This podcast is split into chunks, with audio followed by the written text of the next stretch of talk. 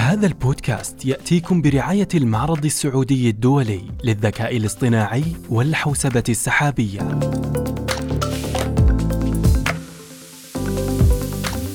أصبح الذكاء الاصطناعي جزءًا أساسيًا في صناعة التقنية الحديثة، وبفضل التقدمات العلمية السريعة والزخم الإعلامي المتصاعد، أصبح الناس اليوم يتحدثون عن الذكاء الاصطناعي كأبرز المجالات التقنية الواعدة. ففي استطلاع أجرته شركة آرم للتقنية التأسيسية بمساعدة شركاء أبحاث نورث ستار. وجدوا أن 61% من الناس يعتقدون بأن الذكاء الاصطناعي سيجعل من العالم مكانا أفضل. أيها السادة والسيدات نحن نعيش في زمن الابتكار العلمية والتقنيات الغير مسبوقة وآفاق نمو غير محدودة ويمكن لهذه التقنيات الجديدة مثل الذكاء الاصطناعي في حال تم استخدامها. على النحو الأمثل نتجنب العالم كثير من المضار وتجلب للعالم كثير من الفوائد الضخمة يعرف الذكاء الاصطناعي في المعجم الحديث بأنه مجال فرعي من علوم الحاسوب يعنى بالكيفية التي تمكن الآلات من تقليد الذكاء البشري وتتصرف بشكل شبيه بالإنسان. بينما عرف في قاموس أكسفورد Living بأنه نظرية وتطوير أنظمة الحاسوب القادرة على أداء المهام التي تتطلب ذكاء الإنسان عادة مثل الإدراك البصري، التعرف على الكلام، اتخاذ القرار والترجمة بين اللغات. وفي الموسوعة البريطانية جاء تعريف الذكاء الاصطناعي بأنه قدرة حاسوب رقمي أو روبوت يتحكم فيه الحاسوب على أداء مهام ترتبط بالكائنات الذكية غالباً. ويقصد بالكائنات الذكية أي التي تملك القدرة على التكيف مع الظروف المتغيرة. الذكاء الاصطناعي هي tools هي trending technologies هي أشياء حديثة نستخدمها على هرم البيانات للوصول إلى حياة أفضل للوصول إلى قرارات أصح للوصول إلى شيء جميل يخدم البشرية. لقد أدى تقدم التقنية التي يصاحبها فهمنا للكيفية التي تعمل بها عقولنا. إلى تغير مفهومنا لمكونات الذكاء الاصطناعي فأصبح تركيز العمل على محاكاة عمليات صنع القرار البشري وتنفيذ المهام بطرق بشرية أكثر بدلا من مجرد إجراء الحسابات المعقدة. ويهدف الذكاء الاصطناعي للوصول إلى حواسيب ذكية جدا تؤدي الإجراء الصحيح الذي يزيد من المنفعة المتوقعة ويرجح تحقيق الهدف. لكن هناك عدد من التساؤلات التي تطرح حول القيود التي تحقق مصداقية الذكاء الاصطناعي. فهل يمكننا تفسير سبب الخيارات والقرارات التي تتخذها الآلات على سبيل المثال؟ وهل البيانات التي تحتاجها متاحة بالفعل؟ كما يتبادر السؤال فيما يتعلق بالاستخدام حول مدى شفافية الخوارزميات وهل هناك أي تحيز في البيانات؟ أو شيء من التحيز في طريقة جمعها.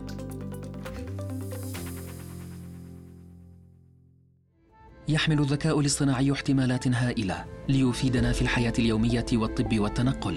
لكن علينا أيضا أن ننظر إلى الاحتمالات التقنية. ما الهدف الذي يخدمه هذا التقدم؟ إنه سؤال لا يمكن للوغاريتمات الذكاء الاصطناعي الإجابة عنه. البشر فقط من يستطيعون الإجابة. تتصاعد المخاوف تجاه تطور الذكاء الاصطناعي من قبل أولئك الذين يخشون تحوله من أداة تعود بالفائدة على الإنسان إلى التفوق على الذكاء البشري والخروج عن سيطرة الإنسان.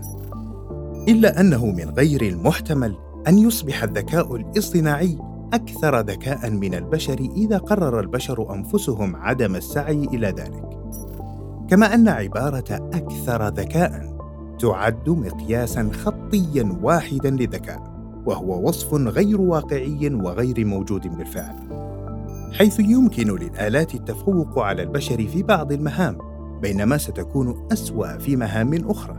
فقد تكون الآلات أكثر قدرة من البشر في مهام تساهم في التخفيف من حدة الفقر أو علاج السرطان ونحوها.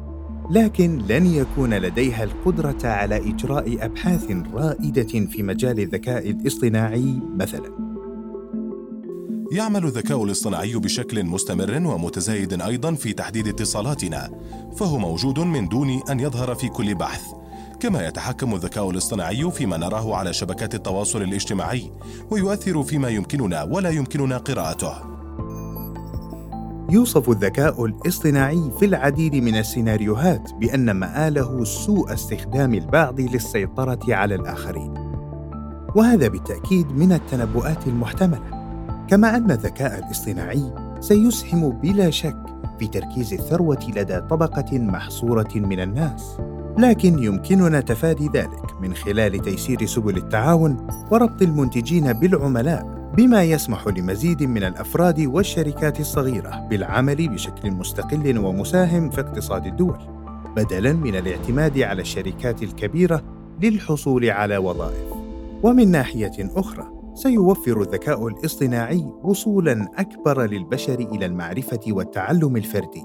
إزالة الحواجز اللغوية بين الشعوب والقضاء على الأعمال الكادحة والمتكررة بإحلال الروبوتات للقيام بتلك الأعمال.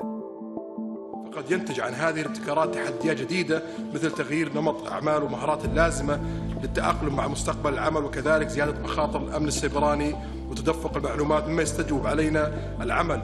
آه، آه، جميعا لمجابهة هذه التحديات في أقرب وقت لتفادي تحولها إلى أزمات اقتصادية واجتماعية في المستقبل.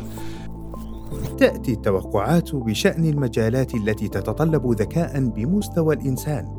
بأنها ستصل لمرحلة الموثوقية والجودة العالية خلال العقد القادم على الأرجح وتشمل تلك المجالات تقنيات التعرف على الكلام التعرف البصري على الأشياء والسلوكيات الإجراءات الآلية اليومية والقيادة الذاتية.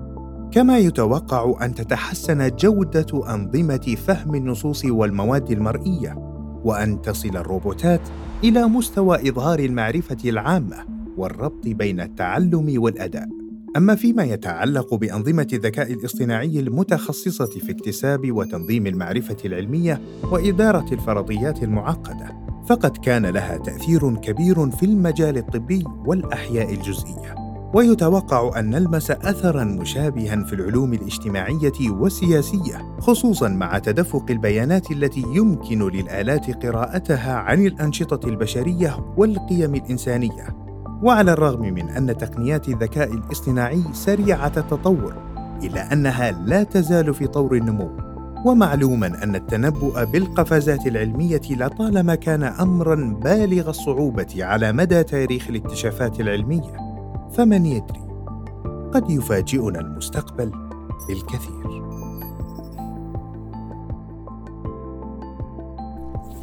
هذا البودكاست برعاية المعرض السعودي الدولي للذكاء الاصطناعي والحوسبة السحابية والذي سيعقد في السادس وحتى الثامن من فبراير 2022 كحدث تجاري فريد ومستقل. يركز على حالة ممارسة الذكاء الاصطناعي في المؤسسات وأهمية الخدمات السحابية والذكاء الاصطناعي لتحقيق أفضل الإمكانيات وخلق مستقبل أفضل وآمن للجميع.